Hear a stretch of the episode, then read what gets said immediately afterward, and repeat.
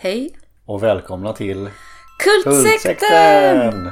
Woo! Eller som vi nästan sa, syltkexen.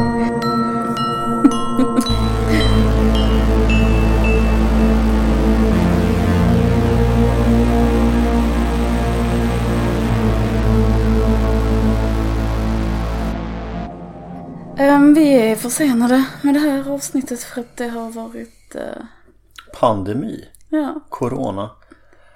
Ja, det vet ni om. kanske inte ska tjata mer om det. Nej, vi skiter i det? Ja, Eller? jag tycker det kan vara skönt att slippa det. Mm. Och vi har sett Color Out of Space. Ja, Color Out of Space. Mm. Och vi har precis sett den. Och det var första gången jag såg den. Och det var andra gången jag såg den. Och jag måste säga att jag är lite trött i huvudet. För att jag tyckte, och nu spo, spoilar, äh, ska vi ta detta? Vi spoilar alla filmer helt och fullständigt och därför har jag varit lite så att se, se alldeles purfärska filmer. Det är ju inte så bra för att då spoilar man dem kanske innan människor har sett dem eller ofta ser man ju filmer som är nya så då kanske vi spoilar dem bara så här en vecka innan man ska se dem och så. För jag tänker om man ser dem om tre år så kvittar det ju. Ja. Så detta är lite, ah, nu, om du tänker se Color of Space snart och är känslig för spoilers så lyssna inte. Men jag måste säga att jag tror jag hade gillat att höra en podcast först och sen se den. Men det är så olika hur man är. Och eh, du var trött. Det Ja. också. Eh, det är någonting med slutet som tröttar ut mig i alla fall och dig också. Men eh, Det pågår väldigt länge och det är väldigt mycket ljus och blixt och Ja, jag vet inte, det, blir liksom att hjär- det är inte som att jag är så trött för att jag inte hänger med intellektuellt utan det är att hjärnan är trött och allt blinkande på något vis. Mm.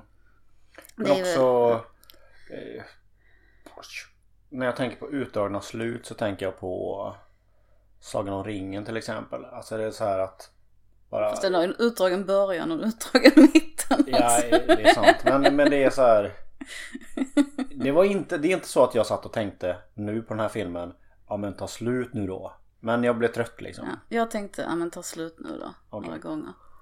Men, ehm, nu går vi ju, all, allting blir helt baklänges, men så får det vara. Det är, det, är inte, det är inte så att jag tycker att den här filmen förtjänar ett dåligt betyg. Alls. Den har lite problem. Bara Mm. att slutet är ett. Ja jag skulle, exakt. Jag tycker nog att slutet drar ner lite grann. Ska vi göra som vi brukar och gå igenom filmens handling? Fastän vi har spoilat det. Jag kanske får klippa om lite och lägga in klagomålen på slutet. Om slutet på Jo slutet. men det kan vi göra. Vi börjar lite med Det, det börjar ju med ehm, att dottern i familjen, eller allra först börjar det med bilder av skogen och så så sån här Lovecraft-text som en man med mörk röst läser upp dramatiskt. Och det är ju någonting som är väldigt återkommande, ja, framförallt i skräckpodcast så är det män med mörk röst som dramatiserar Lovecraft-texter.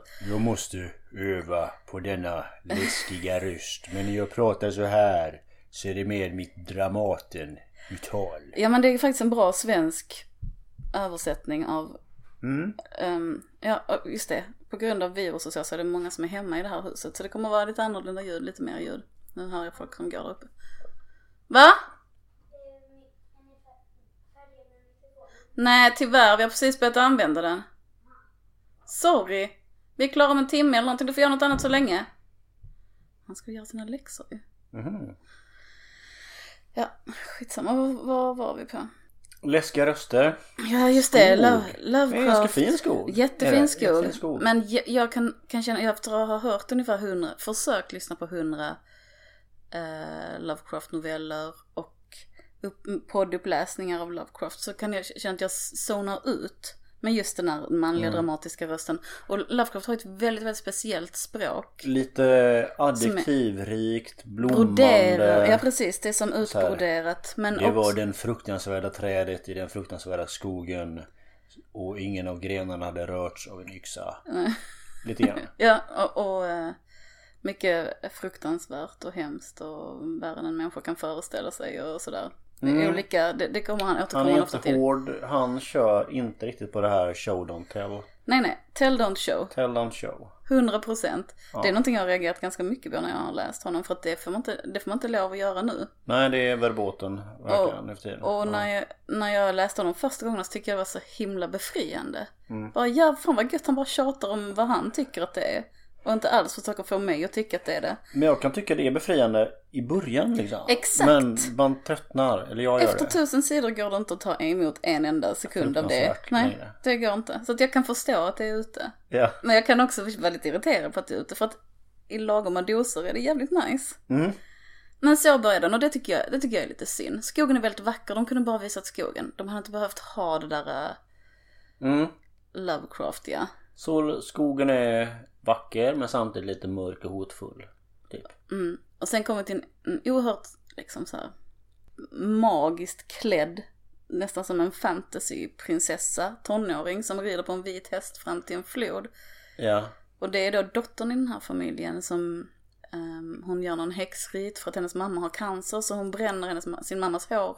Och så säger hon att låt detta bränna cancern ur mammans kropp och liksom. Och, och jag visste ganska lite om filmen så jag först var jag så här när utspelar sig den här? Ja men precis för hon ja. har en sån mantel och hon har ingen hjälm och mm, Hon, eh, ja exakt den här vita hästen är väldigt sagoaktig och... Men så har hon en zippotändare. ja. Undrar om det är det första tecknet på civilisation kanske.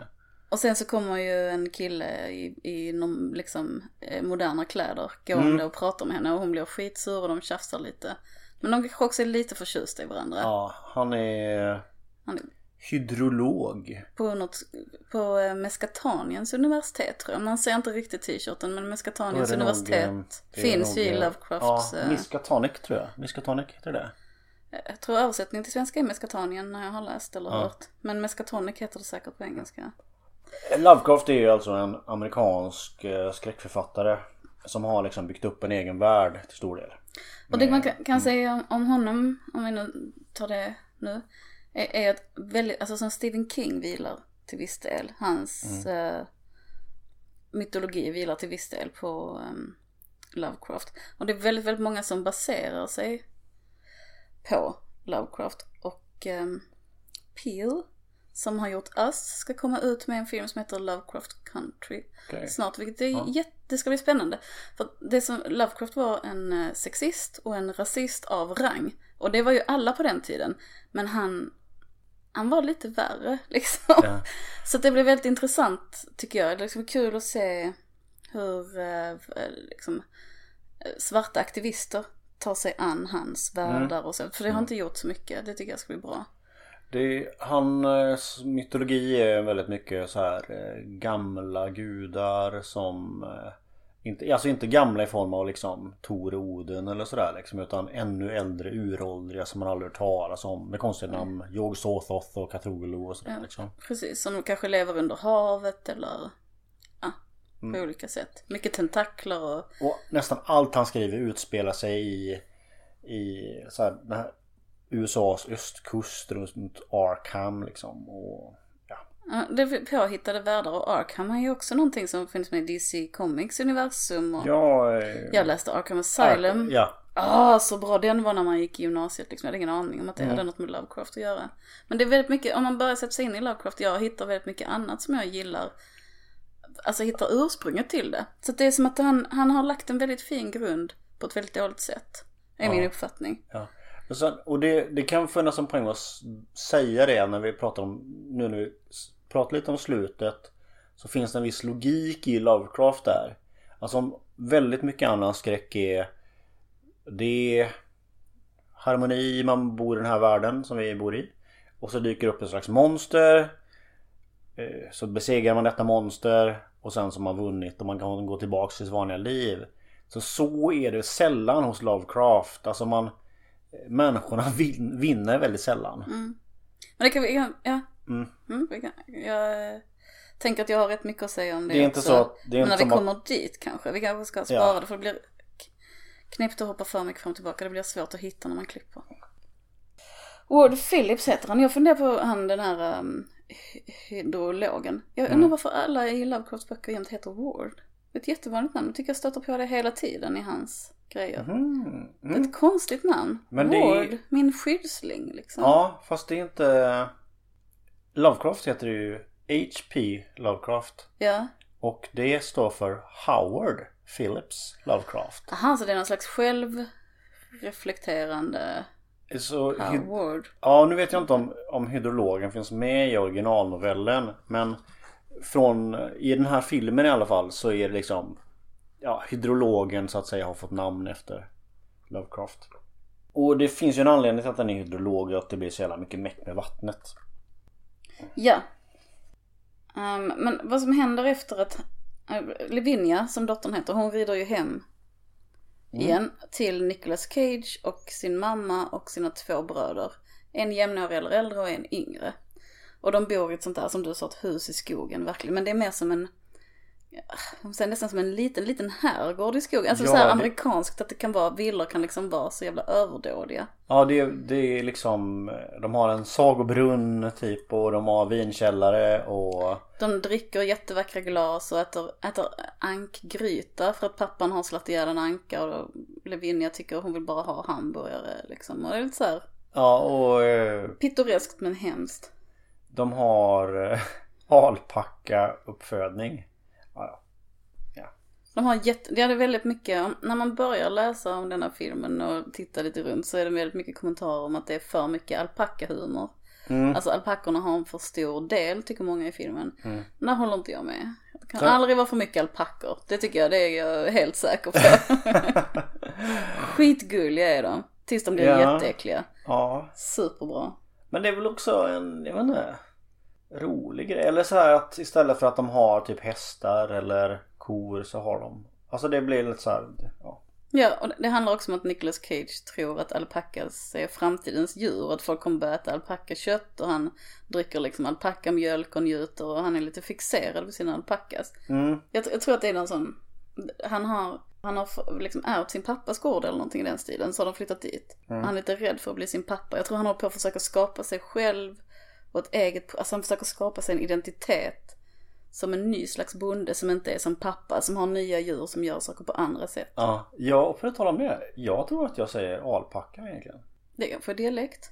Jag tänker att det stavas Ja, så heter med ett det. L. Så att då säger jag Um, alltså jag tänker inte, jag, är mycket för att rätta dig när du pratar men jag vet faktiskt Så nu inte. kanske jag kan rätta dig istället. Om Nej nej jag har inte fel. Nej nej det heter, jag vet, tror mig vet att det heter alpacka. Jag säger mm. Men, Alltså där jag kommer ifrån så heter det alpacka. ja men fine det är dialekt då. Jättebra. Vi hade Du får säga som du vill här. eh, alpackagård. Hörde ni? nej, nej. Vad Äh, hade ni för djur på din, sådana vad hade ni för djur på din gård? Nästan inga alls. Eh, katter, höns, häst. Det är inte nästan, det är väldigt många jämfört med. Inga alls. Nej. Efter middagen så går Nicolas Cage och frun Theresa. Jag vet inte vad Nicolas Cage heter i filmen och jag bryr mig inte heller så mycket. Det är pappan i familjen. Han spelar som- Nate heter han. Nathan. Okej. Ja. Jag tänker nog kalla honom Nicolas Cage ändå. Mm. Och alla andra får heta det de heter i filmen. Det blir lite orättvist men han är sån, han är mycket, han är, liksom, spelar ju liksom inte, han är bara Nicolas Cage. Han är faktiskt den eh, enda nu är jag ju extremt dålig på skådisar men nu han är nog den enda skådisen jag känner igen i Ja filmen. men samma här. Jag känner inte Ja. heller igen någon av de andra. Nej. Men de, alla, alla utom Nicolas Cage är ju fantastiskt bra. Faktiskt. Va? Tycker du inte om Nicolas Cage? Jag tycker han är bra i denna filmen men, Jaha, men det, okej, vi ja. har väl lite samma, som, samma Ja. konflikt fast omvänt som förra gången. Ja. Att du gillade ju inte Bill Maher för du tyckte han bara var sig själv. Ja. Jag, jag gillar Nicolas Cage jättemycket i denna filmen men jag tänker inte ge honom något beröm för det för han spelar likadant alltid. Han bara skriker och skriker och viftar och jag vet att många älskar det. Ja. Jag har väldigt svårt, jag känner aldrig att det är Alltså som Lavinia när hon så här gråter och vi- visar massa känslodjup eller storebrors, eller mamma när hon blir ond i köket och säger till honom att fixa satelliten. Alltså vet du, de har sån här intensitet. Mm. Det finns i ögonen, det finns en massa. Nicolas Cage bara "Åh!" Alltså han bara vrålar Att han liksom. gör som saker hela tiden. Ja, sitt Ja. vanliga vrål. Han är jätterolig när han kastar tomater och sånt. Men han, liksom, det är ju inte, jag Ja. vet inte. Men det, Det är här är, nu är vi extremt ostrukturerade den här Ja. gången. Ska vi...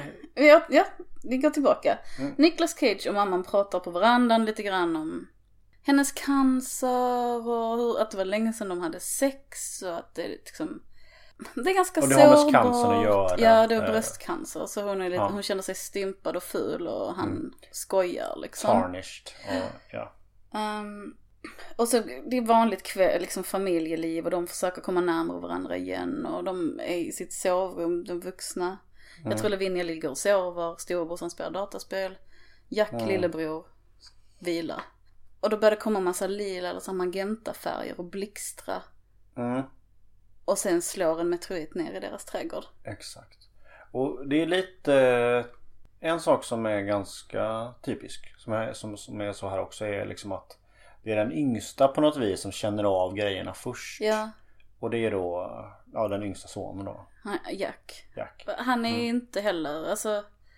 ehm, jag tycker han fångar inte mig liksom. Han har ingen, Nej, jag tycker inte heller han är skriven så roligt eller sådär. nej han är... Det är bara, precis som du säger, han får vara lite, Ett tag undrar man om han ska gå åt något slags eh, Damon-håll liksom. ja. Ja. jag så här, ska han bli besatt och börja mörda de andra eller vart är vi på Ja, väg här han- egentligen? Han, får, han har inte riktigt någon agens, han är inte skriven som, som så mycket mer än ett litet barn. Mm. Det, för de, tonåringarna har ju väldigt mycket personlighet och agens och är väldigt drivande. Ja, speciellt eh, Lavinia. Mm. Ja, absolut. Ehm, ja, så men efter det här meteoritnedslaget så blir Jack lite katatonisk och får lite ont i huvudet och så. Och då, blir, då är mamman ganska arg på Nicolas Cage och bara så här, varför hanterar du din sons sjukdom så här? Och, alltså hon blir konstigt arg genast. För att Ja. han inte vill köra i flera timmar till ett sjukhus. Fast inte bara det. Ehm, han häller upp en drink till sig själv. Okej. Det hon reagerar på också. Okej. Att så här, du sätter dig och börjar supa typ liksom. Jag känner, jag Ah, känner att det det, finns en jag. sån Att det finns en sån vibb där liksom. För jag tänkte att det var att hon kände sig ensam med sin cancer och känner att han Mm. skojar bort det och han vill att livet ska vara som vanligt och sen så går hon själv och bär sin sjukdom. Mm. Jag tänkte att det var så att det kan vara svårt att säga om sig själv men att hon säger det när han inte reagerar bra Ja. på barnets sjukdom. Men han Men det finns också någon det är inte, Jag tror inte det är inte bara alkonoja och så utan Han är ganska enkelspårig liksom och det Nicolas Cage Ja, ja, ja. Och det är det reagerar hon på också tycker jag ja. Och han, han dricker ju mycket också. ja. Eh, så att, mm.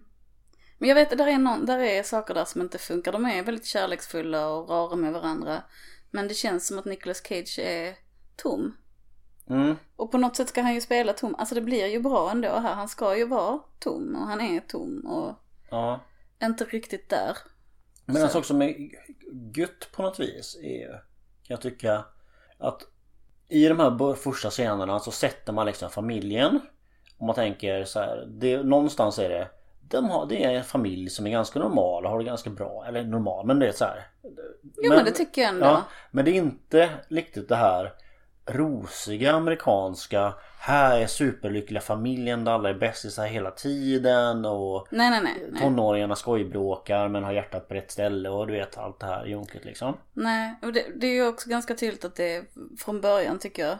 Att det, där är konflikter och så men det är tydligt att det är barnen som är käns, mest känslomässigt närvarande. Liksom. Mm. Mamman är mest intresserad av, eller det är mycket med hennes jobb. Hon verkar Pappan är någon med, börsmäklare och försöker sköta det hemifrån med cancer och så. Det är ju rätt så det ansträngande. går inte riktigt och, och han håller på med sina djur liksom. Sina alpackor. Sina alpackor. alpackor. Ehm, ja, i alla fall. Dagen efter så kommer uh, Philip Ward och borgmästaren för att inspektera meteoriten. Men Mm. borgmästaren är väldigt så avvisande och hon vill inte alls hjälpa familjen för hon vill Och ha polis, gård. och polis och grejer också. Kom polisen också? Okej. Mm, Ja. väl. Men hon, ah, jag såg dem inte men de var säkert Eh, Hon ville ha gården för att hon vill anlägga en damm där som ska liksom vara vattenförsörjning till området. Så att hon är inte så sugen på att hålla på och utreda deras vattenkvalitet och hur de har det eller hjälpa dem alls utan hon hon sticker, alltså man ser mest hennes rygg, hon bara ja ja men lös det här själva. Och när han är så bara men hur ska vi göra, vi har en timmes bilresa till närmsta allting. Så hon bara skyll er själv, det var ni som ville bo här, jag ville köpa den här marken liksom. Och det är väl samma med, det är det, det är därför hydrologen ränner omkring i området. För att undersöka möjligheten att bygga en damm liksom. Ja. En, en vattenreservoar. Och eh, när de är där så flörtar också Lavinia och, och Ward lite grann. Eh, och efter det så, ja då blev mamma, eller pappan, Nicolas Cage, han blir så här hedersvåldig och bara äh, Lavinia gå in.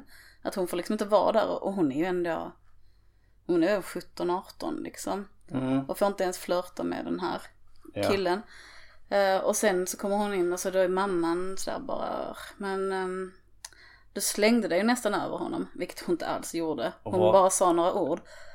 Vad, vad sänder ut för signaler med den klädseln? Ja och- precis, såhär slut-shaming och Ja, jättetråkigt. Var på Lavinia bara går och sätter sig och gråter och lyssnar på musik. ja. Eh, sen introduceras en till karaktär kan man säga. Mm. Eh, för att prata med, det finns en till person i närheten. Vad heter den? Kommer du det? Är det Ezra? Ezra. Squatton? Ja. Det är liksom en kufig gammal man som bor i någon slags eh, Mobile home. Ja, någon ombyggd vagn eller något sånt som han bor. Mm. Och så har han en katt som vi hade, du trodde han hette Juicebox, katten. Ja, Och jag trodde han hette G-spot, men det visade sig sen att det faktiskt var jag som hade rätt. Katten Ja. heter G-spot, vilket Ward uppskattar. och det är, det är inte återkommande men det skämtas om det några gånger. Så Ja. här, har, har du hittat G-spot liksom? Tycker Det är, kul. ja, det är roligt, tycker jag också. Det är roligt.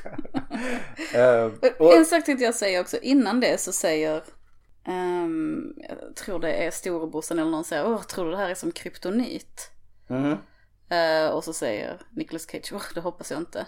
mm, Och kryptonit är också från the DC Universe. ja, Som ju baserar sig lite grann på Lovecraft. Det finns sådana små ja. hänvisningar. Och i förra Ganska filmen så vi många. också kryptonit med. Så det är ju väldigt Ja. vanligt. Vi får nästan ha en kryptonit-count och se hur många filmer den nämns. Eh, Alltså det är mycket Lovecraftiana så att säga i filmen. Eh, Hon läser Laviana håller på lite med Lavinia. Lavinia, eh, med magi. Och det hon läser Necronomicon till exempel Ja. som är så här Lovecraft bok liksom. Och, Och Ward när han sitter någonstans och väntar så läser han eh, The Willow. Tror jag den heter. Någon av Lovecrafts favoritböcker. mm. Så där är he- alla böcker är hela tiden sådär. och den här gamle mannen det, det, det är ju lite den här Ezra. Esra som finns i ganska många filmer. Sådär, ni vet, någon gammal kuf någonstans som vet mer än andra. Liksom. Ah, uppfattar du honom som vis? Jag uppfattar det som att eh, han, han visste ju inte speciellt mycket.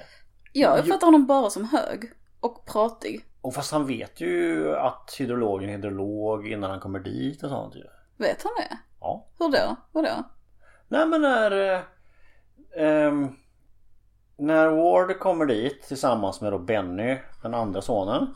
Så säger typ Ezra Så bara ah, hej, ja, det är du som är hydrologen. Så jag bara Hur visste du det? Så här, då. Okej. Ja men det har jag hört av fåglarna ungefär. Okej. Ja. Ja. Det missar jag.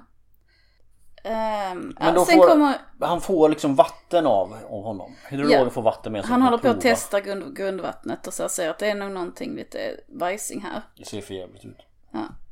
Sen så kommer, det här är något av det bästa i hela filmen tycker jag. En nyhets, ett nyhetsteam kommer för att rapportera om eh, meteoriten. Och envisas med att kalla det UFO och kallar Nicolas Cage UFOs beskådare eller så här UFO-vittne. Ja. Och intervjuar honom och Nicolas Cage uppför sig väldigt illa. Alltså så här, han står och kliar sig och är rufsig och pratar om att han dricker bourbon och sånt Ja. i intervjun på kameran. Och sen sedan senare när han står och tittar på det på tv och bara hatar sig själv och skriker Ja. om att ingen gav honom en kam. Han är så självupptagen och han är så kass. Och det är så underbart. Ja det är det. Allt dåligt gubbigt lyckas Ja. han liksom så här. Ja. Ja, fantastiskt. Men när han Men- gör detta så, ja, förlåt. Men där kan jag tycka att du är inte så... Eller du säger att du gillar Nicolas Cage i den här filmen och det gör jag också. Ja. Men där Nicolas Cage är på något vis den enda som går utanför sin rolls ramar på något vis. Förstår du vad jag menar? Som, jag som inte riktigt spelar. Han har, men han har liksom... Det finns en frihet i att spela loss för Ja, ja, honom. ja, ja, Ja. precis. Uh, men jag tycker, jag älskar Mandy. Jag tycker Mm. han är skitbra i Mandy. Eh, och jag gillar Wild at Heart väldigt mycket och där tycker jag också han är väldigt bra. Så det är inte som att jag är, är anti Nicolas Cage överlag utan bara för det mesta. Mm. Ehm, Då är det... Hon står ju och hackar morötter. Precis, medan han står och skriker på sig själv på tvn så står hon och lagar mat. Mamman. mamman har vi. Mm. Ja. Teresa. Och det är nog första sådär, läskiga scenen tror jag. Mm. Som inte bara är creepy. Och det, de foreshadowar väldigt mycket med hon står och hackar moroten. Jag tror det kommer i bild fem gånger. Kniven Ja. som går upp och ner i närheten av fingrarna. Ja, så att eh, det kommer inte som någon överraskning när hon sen liksom hackar av sig fingrar. Typ. Ja. Hon får av sig två fingrar, håller upp handen vid sitt ansikte som får visa upp och säger Dinner's ready. Ja. och, Det är eh, så typiskt skräckfilm, det är så jävla bra. ja. så riktigt. Ja. Så Nicolas Cage måste åka in med frun till sjukhus och lämnar då barnen själva. Och så säger han till storebrorsan som röker hasch och inte alls gör särskilt mycket och inte står och tar hand om någonting. You're the man of the house. Ta Mm. hand om allting nu. Lavinia som tar hand om lillebrorsan och står och liksom tröstar honom blir såklart skitsur. Ja. Och bara, ja men lös du allting nu då. Gör du det? Mm. Liksom för att ingen, hon får noll respekt i den här familjen. Trots att hon hela tiden är den som fattar mest och gör mest. Ja, ja. Hon är... Ja... Kan man ja. Hon är Female lead kan man säga. Helt enkelt. Jag tycker hon, hon är ju ingen Eller final girl. För att om vi nu spoilar slutet, det blir hon ju inte. Men hon Nej. är som en final Ja. girl. Hela, man tror, liksom, hon har verkligen den. Och, men här är det något så här... ehm, det är liksom... Där tycker jag att när de ska in till sjukhuset då är det ännu tydligare att det inte riktigt står rätt till i huvudet med Nicolas Cage. För att det... Att alla tar det väldigt... Alltså det är, hon har liksom skurit av sig fingrar. Det är inte bara liksom fingerblommorna här som har rykt eller en halv nagel och sådana grejer. Nej, nej, utan det är innanför andra knogen. Ja exakt. Och, och det är så här. Kom nu ihåg att ta in alpackorna vid tio liksom. Så bara hallå din fru har precis skurit av sig fingrarna liksom. Ja, men han, ja. Ja. precis. Han är, ja, men han är ju fixerad vid sina Ja. alpackor. Men det är ju också en påverkan av eh, Det är something in the water. Mm. Meteoriten. Och den, den här meteoriten, jag vet inte hur mycket vi har sagt det, men den utstrålar ett lila sken. Liksom. Mm. Det kommer, eller ett magenta sken med lite blåa kanter och lite gröna kanter ibland. Och så det, och, så det funkar också någon, som någon slags foreshadowing ofta. Att man häller i ett gäng isbitar i whiskyglaset och så kommer slå ljuset på så ser man att det glänser lite lila. Eh, det reflekteras lite lila ljus, ljus ur eh, djurögonen till exempel. Och så bara okej den är besatt liksom. Eller besatt eller vad kan man kalla det liksom. Ja. Men kan man säga att de blir besatta? Ja, nej inte besatta. Ja, mm. Förgiftade. Inför den här filmen så har jag inte sett den innan och heller inte läst på liksom. Så att för att bli mer överraskad. Eh, och vilket innebär att jag liksom i den här vevan i filmen Man vet att det har hänt någonting, det kommer bli läskigt, det har börjat hända saker. Och eh, Men samtidigt så är det så att det finns heller ingenting att kämpa mot så att säga. Det finns liksom eh, inget synligt monster eller så. Så att här var jag liksom så här.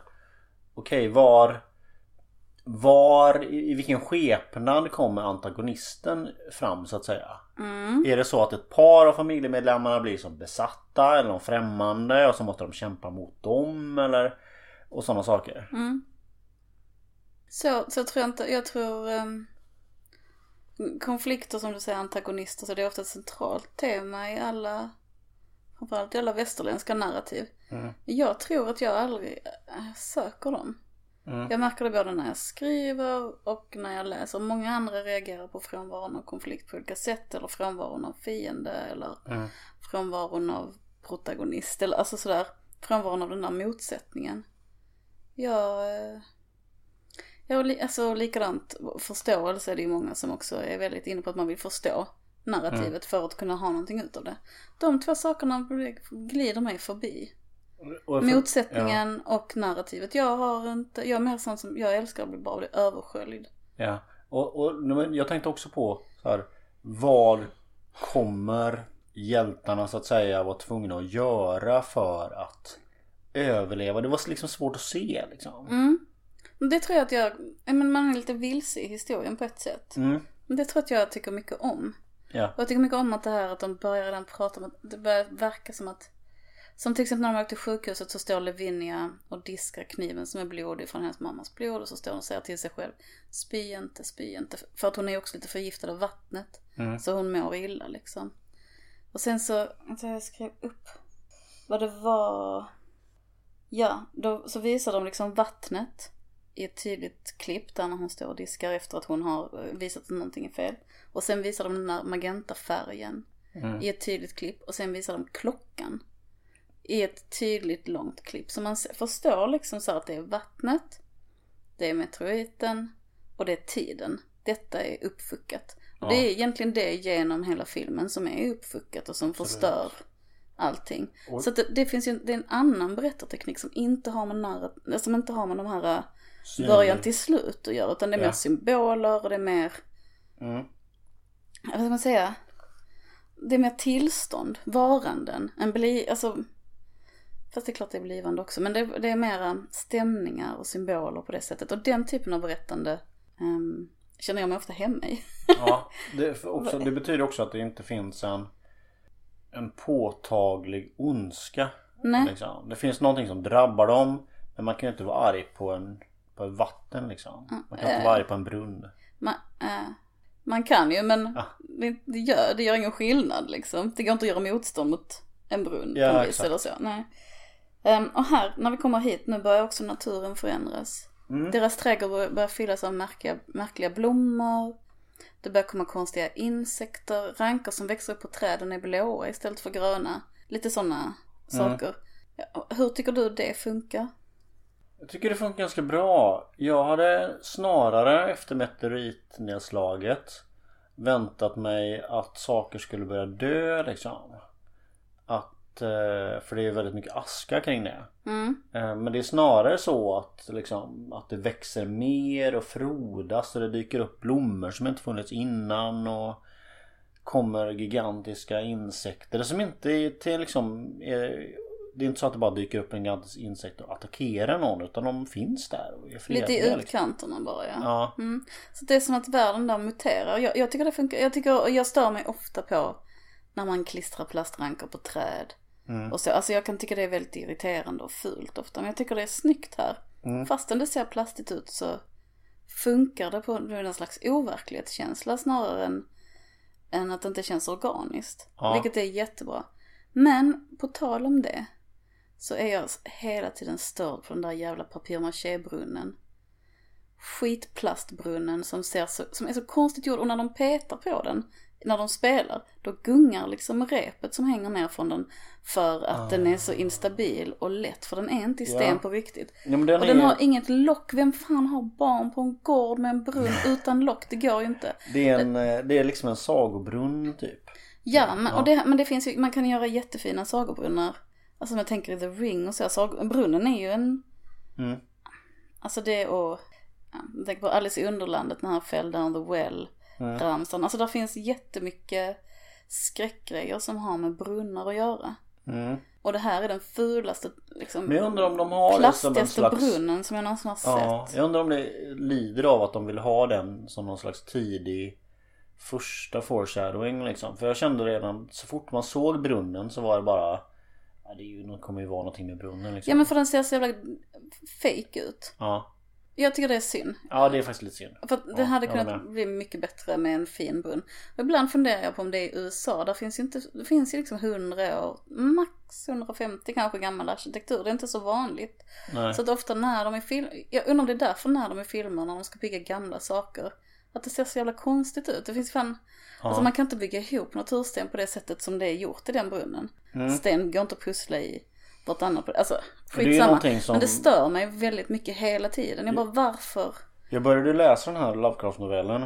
Ja. Och där blir det en sån grej som europe liksom.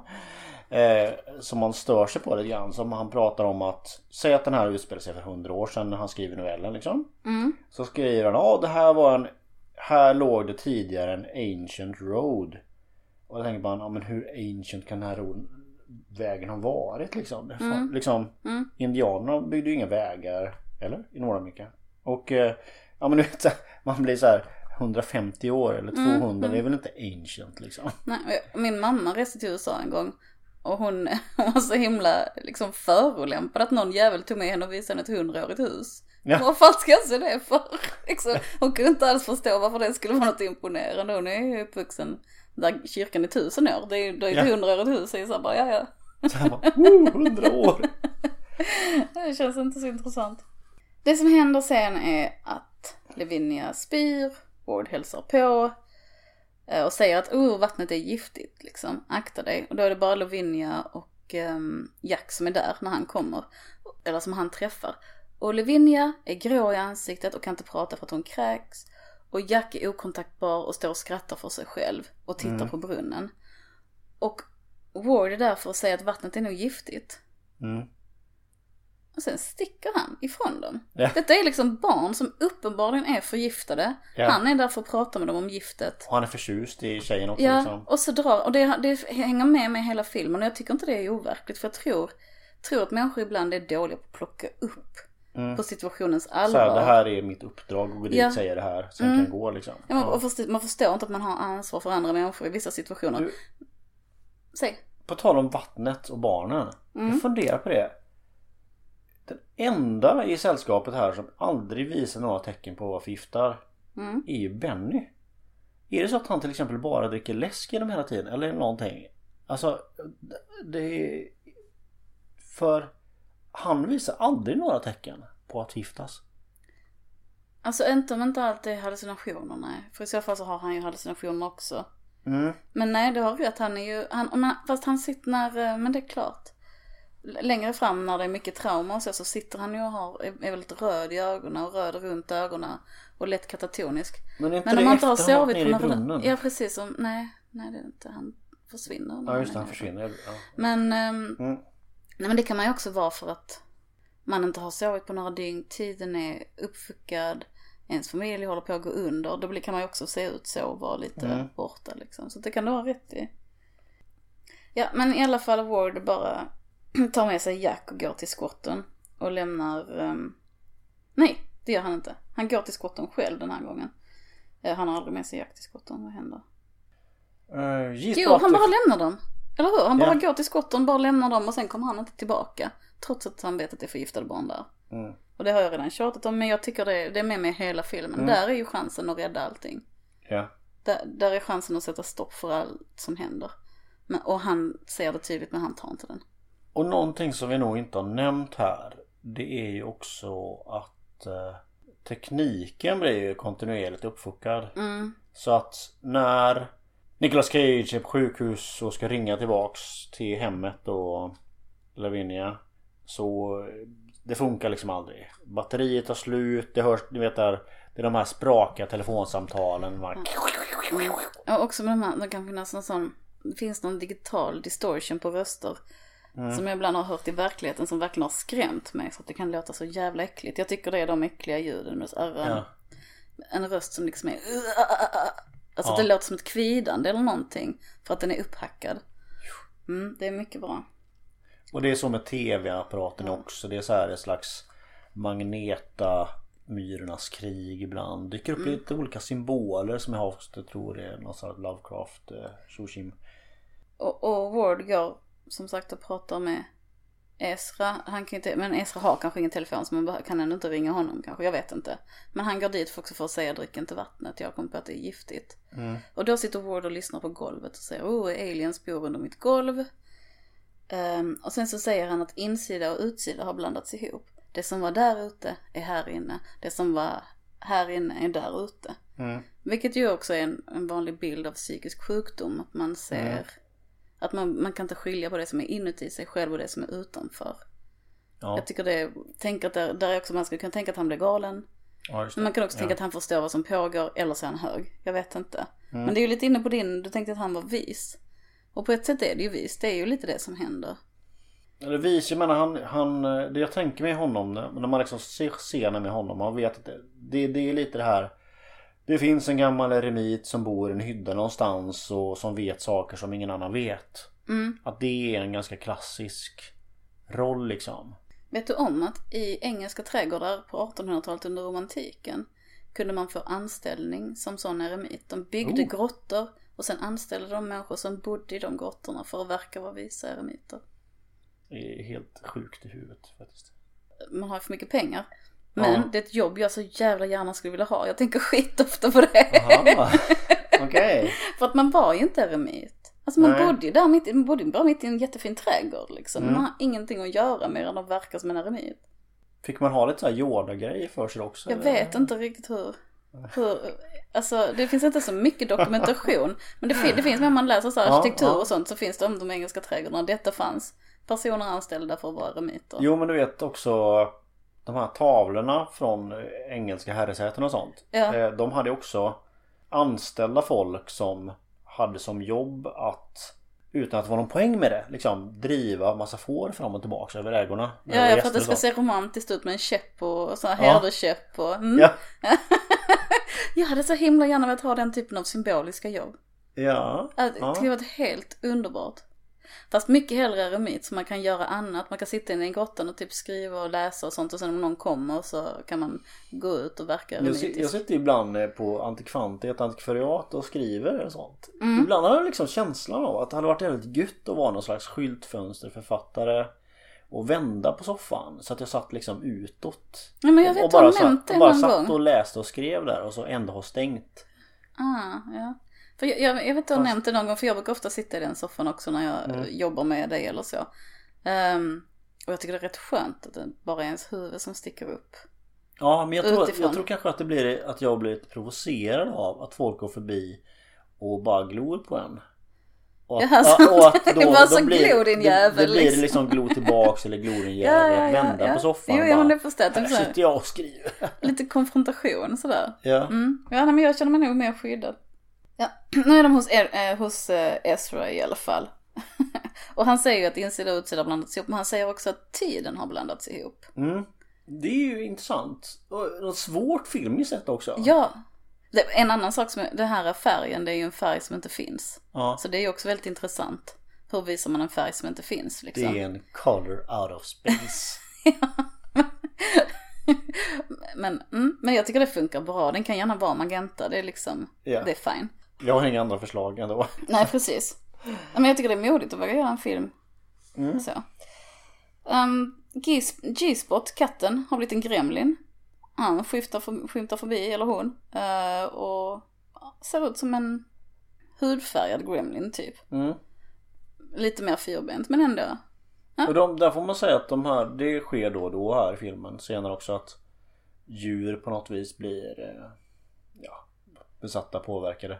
Men de är inte speciellt aggro. Det är inte liksom, De verkar nästan mer lida. ja. Det, Det, är jobbigt, det är lite, påminner lite om flugan. ja. Att den, jag tror det är flugan 3 eller möjligen flugan 2 när det är en golden retriever människa eller någonting. Som blir blandat. Det Mm. påminner om dens lidande när den bara köttigt släpar sig fram. Mm.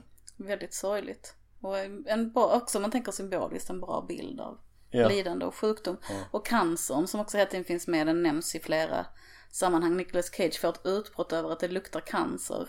ja, just Det det. luktar som när hans pappa dog liksom och uh, skäller Mm. på alla i familjen. På tal om att skälla på alla i familjen så kommer de hem nu från sjukhuset och skäller ut de stora barnen för att de inte har styrt upp allting perfekt. Mm.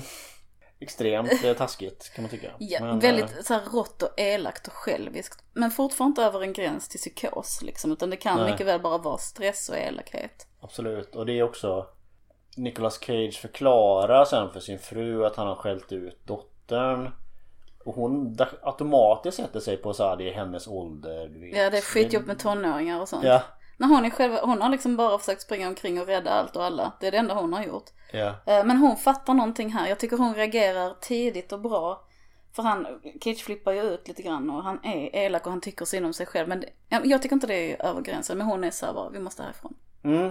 Hon Nu måste vi sticka, den säger hon till enda brorsan. som egentligen fattar att Ja. Eller hon är den som först fattar att man måste, det funkar inte Nej, vi måste fly. Ja. Och hon, jag tror också hon tänker att vi måste fly från våra föräldrar lite grann. ja, tror jag också. Vilket jag älskar när den här konflikten får lov att komma in i kärnfamiljen. Ja, För att Nicolas Cage, han är ju hela tiden så bara, oh family stick together. ja Men just det. han är ju ett stort problem. Mm. Mm. hon är inte alls inne på ett family stick together, hon är bara att vi ska överleva liksom. Ja.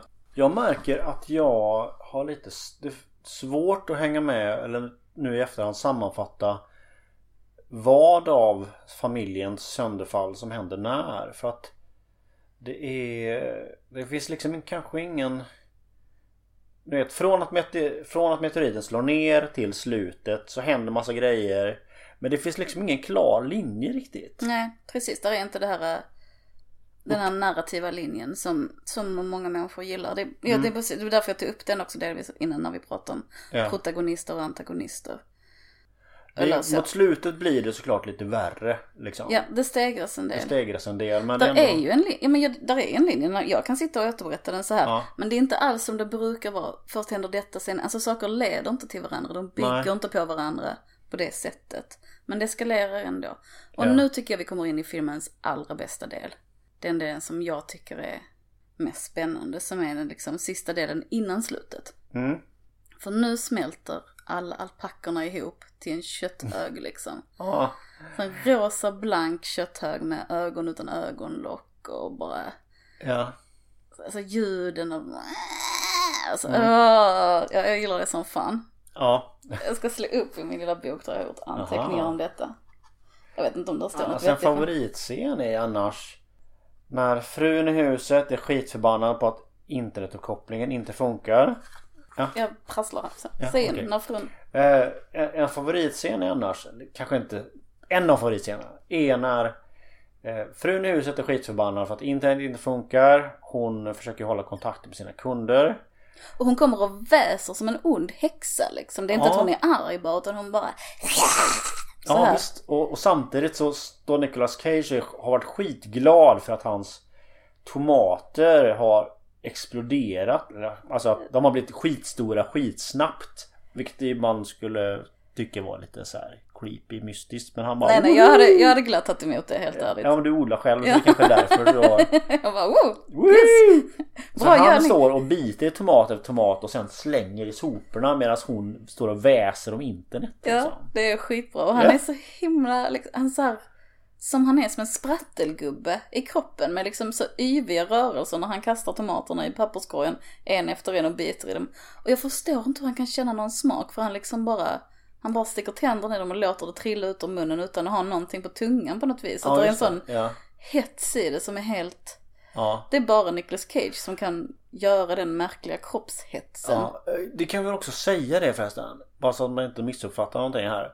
Nicolas Cage är inte den här actionhjälte Nicolas Cage här riktigt. Utan han är ju... eh, Han har glasögon och är lite tunnhårig och är lite så här. Han är gubbig liksom. Han är jättegubbig och han har såna Han har sådana grejer för sig och liksom självupptagen, gubbigt självupptagen sådär Ja. som, ja, Han är mycket. mer liksom frimärkssamlad Nicolas Cage än Face-Off liksom. Så jag har inte så mycket relation till någon action Nicolas Cage på det sättet så jag reagerar inte riktigt på det men det kan, kan vara, han är lite clown nästan här. Mm. Han står för comic relief men han står också mycket för obehaget. Och ondskan. Vilket jag tycker är en intressant kombination, det här med komedi och skräck. Ja. Det är ja. väldigt, väldigt intressant med ja, men hur det båda är så här fysiska, men de kan ta ut varandra, men de kan förstärka varandra. Ja, de kan göra, ja. göra att man orkar med mycket mer äckligt. Ja. Och orkar ta in det hela tiden för att man slappnar av det roliga och sen pallar man plötsligt igen. Så man kan liksom, För där tycker jag det finns en sån I hans karaktär så finns det en slags spänningsmoment liksom I filmen kan man Början kan man kan tänka sig att Han ska bli en slags hjälte, actionhjälte Eh, Men och emellanåt kan man tänka sig okej det är han som kommer vara den stora fienden så de kommer tvungna att slå ihjäl För att han flippar ut totalt Ja det, det och men han hamnar inte någonstans av dem Mm. riktigt. Ehm, men efter tomaterna så, då, nu är Lavinia på hon ska sticka, hon packar sin väska och så. Men så ser hon Ne- Necronomicon och så får hon för sig att hon istället ska göra en blodsrit. mm, För att skydda sig själv och familjen på något sätt. mm, Så det är jättefint hur hon, hon tänder ljus i en cirkel och sitter mitt i och skär in um, olika runor tror jag det är på sig själv. Eller symboler av något slag. Ja Och blöder ner på sina papper och verkligen så här magiskt kämpar för att rädda familjen. Mm. Vilket verkar ha absolut noll procent inflytande Ja. på någonting i handlingen. Och det tycker jag så Så mycket är om för att det är så, Ja. det är så starkt det hon gör. Ja. Men- Och det är egentligen ingen utav de andra karaktärerna som får reda på det heller. Eller så. Nej, de, när hon kommer in och, eh, och blöder så säger de "Hå! Vad har du gjort med dig själv?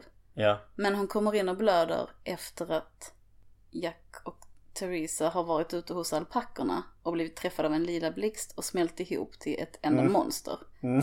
Son och moder. Så det är ingen som riktigt orkar. nej, Alltså självskada är inte jättehögt på nej för det är... prioriteringslistan. Nej.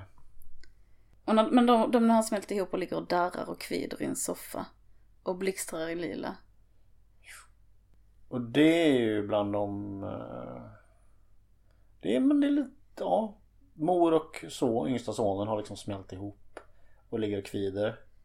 Det är ganska jobbigt. Det är ganska mycket kvidande. Ganska smärtsamt. Och tungt kroppsligt och blekt. Och, Ja. och Lavinia sätter sig ner och klappar mamman i håret och får stora hårtussar i händerna. Ja. Och säger så här, jag är här mamma. Jag är här för dig liksom. Mm. Det är jättesorgligt. Det är enda gången jag blir liksom tårögd i filmen. Mm. Mm. För att hon ställer upp så himla mycket hela tiden. Ja. Ehm, och sen så säger hon till sin, till sin pappa Nicolas Cage då, tror du mig nu? För hon har hela tiden sagt att någonting är fel. Ja. Och så svarar han, jag vet inte vad jag ska tro. Ja. Vilket var bara, och det var så småaktigt. Ja, Bara visst, säg bara verkligen. Du ja. rätt unge. Liksom. Ja, Och där, det som är intressant med det, eller kan man väl säga, är också att de har ju smält samman men de lever ju fortfarande. Också, vilket innebär att det går inte bara att dra utan att dra ifrån familjen liksom. Nej, Det- precis. Det går inte att köra någon flykt längre egentligen. Men- Om man inte ska säga nu, ja, ni får stanna här och dö. eh, precis för att bilen funkar inte. Även om man ändå tror att de kommer att dö. Ja, ja, nej. Eh, precis, att de blir lite fast i huset där för att det är en 12 miles promenad Mm, genom skogen. Men jag hade gått 12 miles. mm, Det är inte så långt. nej. Meanwhile inne i stan så har uh, sheriffen och Ward sett sammansmälta djur ute vid deras skog och så. Så att de, de börjar bege sig mot, de tror att det är strålningsskador. Ja. Så att de börjar bege sig ut mot den här gården där de bor i skogen. Och där är en sån fin scen senare, för att det blir mörkt och ljust om vartannat hela tiden eftersom filmen är sönder.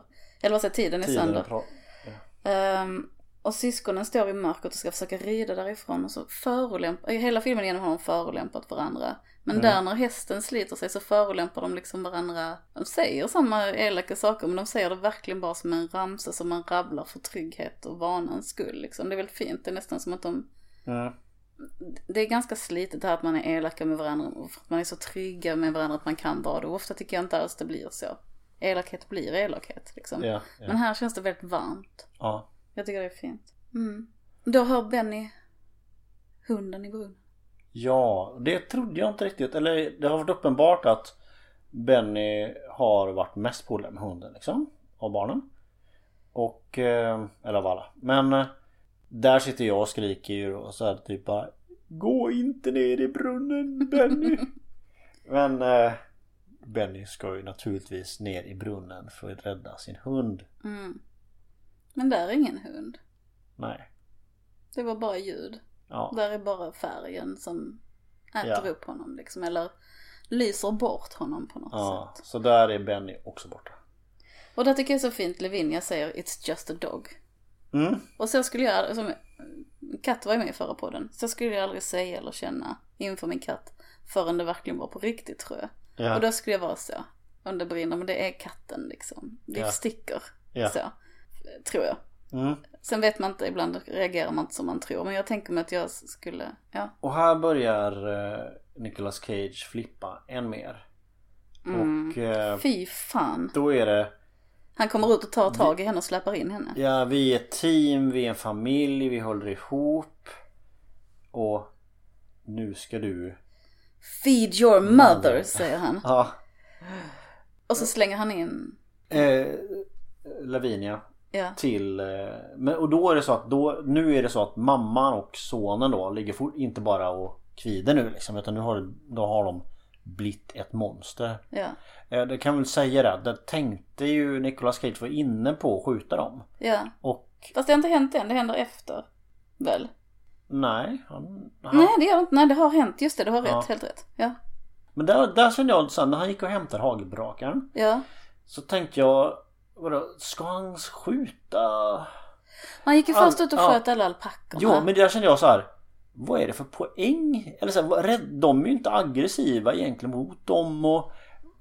Eller så här, vad stoppar han med det här liksom? Ja, nej men jag tänkte också det när han stod där och riktade bössan mot sitt barn och sin fru. Jag bara, nej men alltså man måste ändå, det där får man ju aldrig göra. Nej. Man får rymma. Men man kan aldrig döda någon för man vet ju inte om man själv är förvirrad. Tänk Ja. om han har missförstått situationen, tänk om han bara har hallucinationer. För inte... Skjut inte din familj liksom. Nej, skjut inte din familj. Det, det tycker jag vi kan lämna till alla läsare som en grundregel också kanske. Alla lyssnare. Lyssnare, Ja, ja. Vi kan kalla er läsare. Ja. Jag är författare. Men det stämmer, han har redan gjort det där och så släpar han upp Lavinia och kastar in henne. Ehm, och, Och så låser mamma, in henne alltså. mm, och så ställer sig mamman över henne och rör sig över den här mamma monsterspindelgrejen. Rör sig över henne som, och, och liksom spyr slem över henne på något sätt som känns väldigt sexuellt. Hon rör sig Mm. fram och tillbaka och Lavinia ligger bara kvid och så bara nej mamma snälla mommy please. Liksom. Och det är lite eh, alien-vibbar. Ja, mhm. Ja, ni vet vilken serie ni pratar om. Ja. och då kommer Ward och sheriffen. Ja, som då tänker man ju... Ja, men det är lite så. Nu kommer kavalleriet liksom. Och de skjuter också, de tar sig in i det här rummet där de är och skjuter mamman i huvudet. Nej. Nej, det gör de inte, nej. De ska göra det, men Det är istället Nicolas Cage som gör det. han kommer emellan och skjuter mamman. Mm. Och han eh, är ganska wacky han nu. Eh, Ja. Så att när, de, när, när snuten och Ward kommer in Så så här bara, "Ah, vart är din familj? Och så bara titt, pekar han på en tom soffa bara. De är ju här, de sitter ju här och... Ja. Ja. Ja. Och här skulle jag på något sätt önska att filmen tog slut. Ja.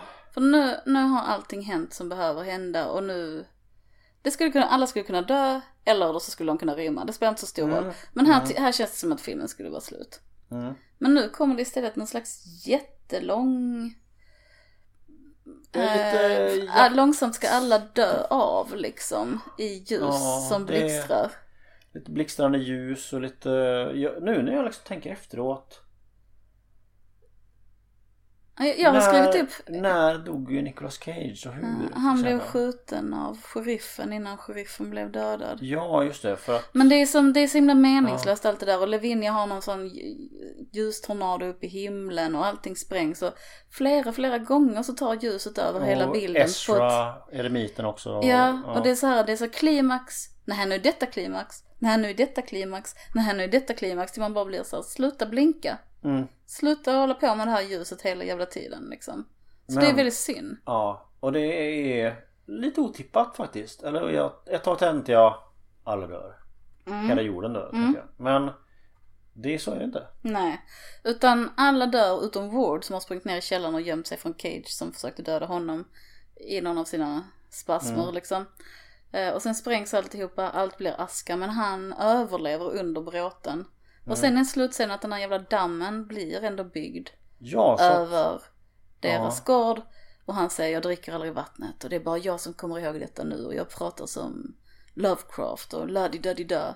Men Mm. han röker en cigarett. Vilket känns jättelarvigt alltihop. ja, det gör det. Skittöntigt och onödigt. Också, nu är det så att det är ju inte en science fiction där vi behöver ha reda på exakt vad det här var eller var det kom ifrån. Men det är lite så här, vart tar detta vägen? För det är ju inte så att det här magnetar ljuset på något vis blir besegrat av någon eller varför förstörs det? Blir det overload på något vis eller jag vet inte riktigt. Nej, Magenta heter färgen. Magenta, vad sa jag? Du sa Magenta, Magenta. jag måste ju rätta dig, det är min grej. Ja. Ehm, nej, nej det, alltså jag tycker, bara, jag tycker bara som sagt, vad som helst kunde ha Stopp. hänt där. Ja, Mm. så det var lite synd. Jag tror nästan jag höll på att somna till slut. Gjorde det? Jag blev mer så stressad av blinkningarna. Mm. Ja. Men det var hela filmen. Yes! Så mycket klimax att det blev ett antiklimax på slutet. Men Mm. i övrigt tycker jag den är fantastiskt bra. Ja, jag tror att... Eh, Snille spekulerar. De, han hade väl helt enkelt svårt att hitta ett vettigt slut på något vis. Ja. Ja. Sen så är slut alltid svåra. Ja. Det blir ofta fel i slutet. Ja det tycker jag är likadant när jag, hade när jag skriver här- är det så också. Jag bara, oh här är en jättebra novell. Men, uh, hur ska jag sluta? Alltså, det går inte att sluta liksom. Man hade ju... Jag vet inte. Mm. Lavinia och Ward hade kunnat åka iväg i snutbilen och älskat solnedgången eller någonting. Men, jag, men det hade inte heller varit velat- speciellt festligt. Nej, men jag skulle verkligen önska att Lavinia fick bli en final girl. Ja, Jag hade, jag hade tyckt att det hade varit en schysst payoff. Det hade känts bra. Också för att hon förtjänar det. för det är För att hon också... fattar hela tiden rätt beslut. Ja. Och hon har hela tiden hjärtat på rätta stället. För Ward har också varit med så lite så det är lite som att eh, Att han skulle komma in som hjälte på slutet är Ja, lite som varför? eh, jägaren i Rödluvan liksom. Ja, Alltså en, en gudsmaskin, en, död, en nödlösning liksom. ja. Ja. Men det var filmen. Det var filmen. Den har 6,2 på IMDB. Mm. Och det är mycket så här. uh, Åh, oh, den var jättegalen, jättebra. Åh, den var jättegalen, värdelös. Mm. Att folk liksom... Det är lite lågt tycker jag. Eh, jag, jag tyckte att eh, den var ett, en bra film liksom. Den var bra. Eh, men eh, jag var inte så förtjust i slutet men eh, ja. Nej. Men jag tycker också att filmen är jättebra. Också för att den är mm, betydligt mer oförutsägbar än mycket annat. Plus att jag tycker också det visuella, utom den jävla brunnen. Så tycker jag att den är väldigt bra genomarbetad visuellt. Mm. Och jag tycker om alla specialeffekterna. Det känns inte som att det är så mycket sån här dator och CGI. Alltså det känns som det är mycket dockor och det är Mm. blandat bra. Mm. Och, och också mycket såna här klassiska kladdiga närbilder på monster och grejer som Skrika funkar ögon. liksom. Lite Mm. som att eh, flodda djurskallar typ. Ja, Ja. men det fun- som funkar bra. ja. Och som rör sig på ett sätt som inte känns levande kanske, men som känns trovärdigt så. Mm. Jag gillar det. Filmen är regisserad av någon som heter Richard Stanley. Eh, som åkte till Pyrenéerna tillsammans med Henrik Möller och utförde någon slags Lovecraft-ritual eh, för att få den här filmen att bli gjord. Och det tycker jag är jätteroligt, framförallt som vi sitter i, Möl- i Malmö och Henrik Möller är ju en Malmö... Han har ju porträtterat Malmö som ingen annan. Jag vet inte om ni har sett hans filmer. Gör Men- det. Annars. Ja, gå på YouTube och kolla. Han har gjort såna filmer som heter så här Bajsätarna. Och Böghatarna. Eller Han kallades Fassan. Och så är det den här sköna malmöitskan som är sådär eh, långsam. Eh, Han har också skrivit, eller han har också gjort en film som heter Vägen till Necronomicon. Ah. Han Ja. har, jag, jag älskar hur han liksom, han, dels så visar han alla, i många av sina filmer visar han liksom miljöer och ställen där jag själv har hängt eller där jag Mm. har varit mycket eller där jag, så här sådana outcast-ställen i Malmö och mycket så här uteliggarhäng och sånt. Sen så är det liksom äckligt och långsamt på ett sätt som är väldigt underhållande. Groteskt. Ja. Och det är mycket sådär, ja. Yeah. Sen stack jag till Seved och köpte HB av Knull-Arne. Men hans mussa. Och så fortsätter, alltså det är sådana historier som liksom bara man känner, man skulle själv kunna sitta och hitta på och ha jätteroligt. Det blir väldigt inspirerande också. Ja. Ehm, och han har till och med fått beröm av David Lynch, faktiskt. Oj. Mhm. Så han, jag hade ingen aning om det. Jag trodde bara han var en sån här vanlig Malmö-större kille liksom. Han, Men han är en eh, känd Malmö-större Han kille. har eh, köpt en bok av mig. Har han det? Eh, Jag måste bara ta reda på vad den heter för det. Mm. Om, jag, om, det, om det går då. Det som jag, jag, det, jag tänker när, apropå Henrik Möller, tänker jag att Malmö är en sån underskattad kulturstad. För att det är liksom inte, det är inte så här flashigt och bara oh, vi försöker vara så jävla bra. Utan mycket av Malmökulturen är som det Hen- Henrik Möller gör, att det är så jävla, Mm. det är rått liksom. Ja. Har vi några associationer till vårt eget liv? Apropå denna filmen. Vad gör man med den i sig själv liksom? Det är, jag kommer ut från vischan eh, och där är det ibland så att vattnet ser förjävligt ut. Eh, Vad läskigt. och att det liksom är Alltså att brunnsvattnet är lite brunt och sånt liksom. Ja. Och det, det är alltid sjukt obehagligt. Ja. Eh, ja. Men det är ett in- intressant skräckuppslag faktiskt. Ja, Det förgiftade vattnet För- och vatten som man måste ha för att leva och la det ja exakt. För att utan vatten klarar man sig ju inte speciellt länge. Nej. Så det är Utomjordingar, inte mycket känner jag där. Jag kan känna igen, jag kan känna igen dels det här problemet med att inuti och utanför blandas ihop lite grann. Att jag tycker ofta det är svårt att veta om jag tycker att jag har gjort något dumt eller någon annan tycker att jag har gjort något dumt. Alltså Mm. sådär, är du arg på mig eller är jag arg på mig? det kan jag ha Ah, svårt ja, att känna ja. skillnad på. Och sen så, Jo, min eh, eh, erfarenhet av eh, Lovecraft är ju faktiskt mest Eftersom jag tycker inte böckerna är så superbra. Eller så att han Han är ganska jobbig att läsa. Men jag har däremot spelat det här Call of Cthulhu rollspelet en hel del. Och därför är jag liksom bekant med hans värld, liksom hans mytologi. mm, Och, och, och där blev det eh, Det finns liksom likheter med hur rollspelet funkade och hur filmen är på det sättet att man aldrig vinner liksom. Att allt så här, ja. Man, man är rollspelsgrupp ett gäng karaktärer så ska man leta rätt på något, undersöka något konstigt mysterium. Och så gör man det och så dör halva gruppen och resten blir galna. Liksom. Och sen så då blir det så här. Efter att ha spelat ett tag så blir det så här fast varför skulle vi egentligen vilja undersöka detta mysterium? Så här, det, det är liksom, det finns ingenting att tjäna på detta alls. Om vi nu ska vara lite rationella och så tänka i, den, i de termerna. Ja. Vi åker dit, får stryk, blir galna. Liksom. Ja. Som livet. Ja. Jo fast måste man dit då? Kan man inte bara, äh, men Jag har vi- också frågat mig det många här, om gånger. det är ett stort fucking monster i Utanför Nej, men jag fattar vad du menar, Varför men- säger det som att vi åker till New York istället och går Jo, på krogen liksom? Ja, men ofta gör man inte det. Nej, nej det är väl så. Mm. Ja, intressant. Nej men jag tycker det är mycket om, om liksom lidande och så som, som jag kan ha något utav och förvirringar i tid och hur man kan i stressade situationer kan man också få knäpp tidsuppfattning. Att det är mycket, har tagit mycket mänskligt lidande och förstärkt och snurrat till några varv och sen skrivit om det.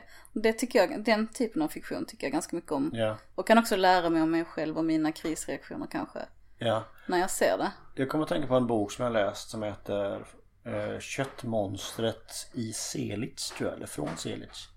Eh, där det också är den här sammansmältningen av olika djur och människor och sånt Ja. som pågår. Det är kul. KG Johansson, tror jag. Mm.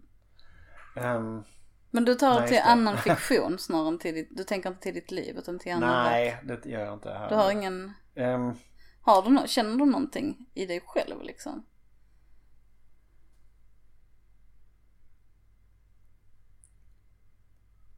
Kan du specificera frågan lite mer? Jag... Kan du, kan du använda det här till någonting i ditt eget liv som inte bara är så här, åh jag tänker på detta verket och detta verket. Utan som är, alltså till, till det här vi har pratat om någon gång innan som inte kom med i en podd. Mm. Om det här med liksom katarsis eller om man kan ha. Mm. vet, om man kanske kan använda filmen till någonting i sitt eget känsloliv.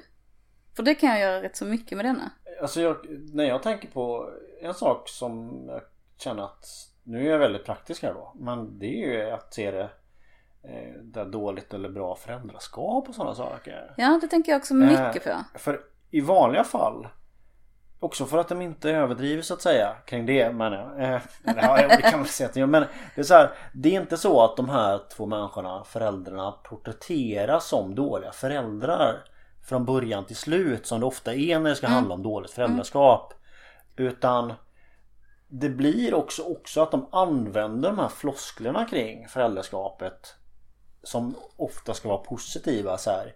Vi är team, i den här familjen håller vi ihop. Det blir ju bara ett fängelse liksom. Ja, precis. Jag tycker också det är skitbra. Och, och att barnen får ha... Barnens verklighetsuppfattning är kanske den mest sanna. Mm. Det tycker jag är jätte... Och det är inte Jättebra. heller familjeöverhuvudet Nicolas Cage, den största och kändaste skådespelaren i sammanhanget. Han är ju som får vara någon slags hjälte och reda upp allting och så ska de andra bara vara lite smågalna så gör de en örfil så blir de kloka igen och du vet det här liksom. Nej, nej, och det handlar inte om pappans kamp för sin familj Nej, alls. inte alls. I Nej. så fall handlar det om mellanbarnets kamp för sin familj om någonting. Pappans kamp för sina alpackor. Alpackor tycker jag är ett sånt roligt uttal. Ja. ja. Um, för det, det tänker jag också jättemycket på. Föräldraskap och att eh, liksom som barn. Hur fint det är porträtterat. De fortfarande älskar sin familj. De vill ingå i sin familj. Men det är farligt. Mm. Liksom. Mm. Det är väldigt mycket sånt som är egentligen väldigt, väldigt smärtsamt. Ja. Men som här porträtteras som så enkelt. Som Ja. att det är något som är lätt att förstå. Lite så Stockholmssyndromet nästan. Ja. Att det, det brukar vara oerhört snurrigt när det ska porträtteras i film. Eller att det liksom blir Ja, så här de- utdraget och segt och svårt. Som att det här måste vi förstå för det här är omöjligt. Mm. Men här är det bara så här, klart det är så här. Mm, Våld exakt. i, i kärnfamiljen Att, liksom. och att, ja, men det är lite befriande faktiskt där när dottern liksom säger till då sin den här andra sonen då liksom att så här, vi måste dra. Mm. Inte liksom vi måste rädda hela familjen och hela världen och hela jorden utan vi måste dra. Mm, mm, Faktiskt. ja.